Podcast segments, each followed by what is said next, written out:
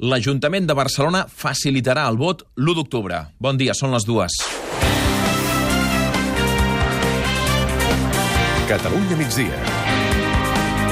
Amb Òscar Fernández.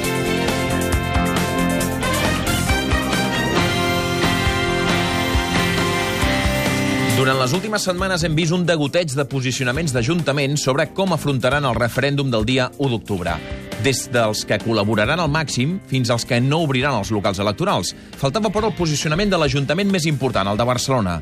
Fins ara, Ada Colau i el seu equip s'havien limitat a dir que no posarien pals a les rodes. Avui, la mateixa alcaldessa ha anat un pas més enllà facilitaran les votacions. Evidentment que es posaran totes les facilitats per participar en el que sigui, sigui una mobilització pel dret a decidir, evidentment, si s'aconsegueix fer un referèndum efectiu, evidentment que Barcelona hi serà amb totes les garanties tot i que no ho ha verbalitzat, posarà totes les facilitats, sembla entendre que obrirà locals electorals, però no ha arribat fins aquí a Ada Colau.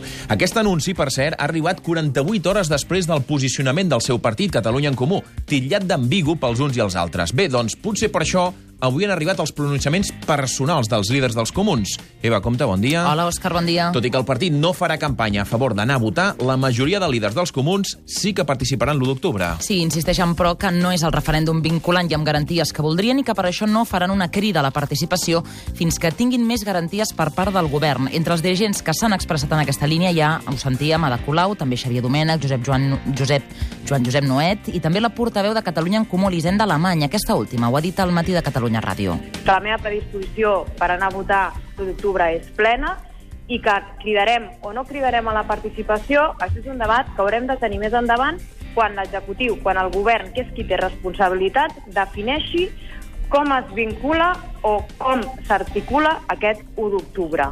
L'altra gran notícia del dia té a veure amb el que fins ara anomenàvem BSN World. Dic que fins ara l'anomenàvem així perquè té un nom-nom. Es diu Hard Rock Entertainment World. Tindrà hotels, un casino i botigues. L'empresa nord-americana Hard Rock invertirà 2.000 milions d'euros en aquest macrocomplex d'oci i es crearan, diu, 11.500 llocs de feina. Els alcaldes de Vilaseca i Salou valoren positivament els detalls d'aquest projecte que s'han concretat avui i que ha presentat el secretari general d'Hisenda, Lluís Salvador. El casino porta el nom de Hard Rock Tarragona i, per tant, ha intentat buscar els equilibris eh, entre allò que, que, que esperàvem des de l'administració, que per un costat tingués una voluntat i una vocació i una perspectiva de caràcter internacional i que posteriorment fes eh, una referència explícita a la seva ubicació en l'àmbit del Camp de Tarragona. També anirem a l'Escala, perquè allà el regidor del PDeCAT, Martí Guillem, ha dimitit després que divendres, us ho vam explicar al programa, segur que ho recordeu, es van fer unes maniobres militars al càmping, que és de la seva propietat. Com dèiem, va, ha hagut de dimitir. Avui ha donat les explicacions. L'Escala, Clara Jordan, què és el que ha dit? Bon dia. Hola, bon dia. Doncs que no va calibrar les conseqüències quan va organitzar l'activitat i que plega per no perjudicar el partit. Un afer, però, afegeix que no ha deixat ben parats la tolerància i els valors democràtics del clima polític que viu el país. Un clima on els matisos entre els bons i els dolents no estan permesos i on ell n'és una víctima més. He sigut una víctima d'aquesta situació política i potser caldria que féssim una reflexió perquè no he sigut la primera víctima aquesta tarda, d'altra banda, per fi es reunirà la Junta de Seguretat de Catalunya, després de, atenció, 8 anys sense reunir-se. S'espera que en aquesta trobada de l'organisme Estat Generalitat, que coordina l'estratègia policial, es treballi en la incursió dels Mossos a les taules de valoració d'amenaça terrorista, també al Centre contra el Crim Organitzat i als fòrums internacionals. I en la informació internacional, després de la recuperació de la ciutat de Mosul per part del govern iraquià, ara el primer ministre d'aquest país demana que es defensi la diversitat del país. I és que després de lluitar conjuntament contra l'estat islàmic, ara podrien tornar a aflorar les discrepàncies. Per tant, Beirut, Txell Feixes, més enllà de la reconstrucció d'una ciutat devastada, caldrà prioritzar la reconciliació. Sí, bon dia. El perill és que un cop derrotat, l'enemic comú d'estat islàmic reapareixin i s'intensifiquin les tensions internes a Mosul, sobretot entre el govern iraquià i les milícies xiites, denunciades per revenges i represàlies segons organitzacions humanitàries, i la població sunita, que en aquesta ciutat és majoritària.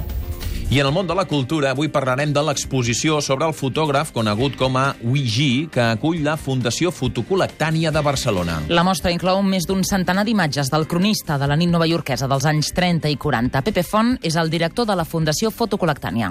Uigi no se ha visto de esta manera, que es muy especial porque los libros en la, en la obra de Uigi fueron trascendentales a la hora de plantear su trabajo, cambiaron en algún momento incluso su orientación sobre qué temáticas tocar.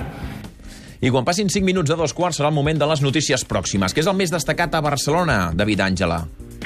Doncs que l'Ajuntament de Badalona enviarà a principi de curs que ve un requeriment a 17 centres educatius de l'Església Catòlica perquè aporti informació amb la intenció de poder cobrar l'IBI, l'impost de béns immobles, d'aquests per l'exercici fiscal del 2018. Ara anem a les comarques de Lleida, Alba Barbosa. El rei Felip VI ha presidit aquest matí l'entrega dels despatxos a 483 nous sergents de la 42a promoció de l'Acadèmia de Talarna al Pallars Jussà.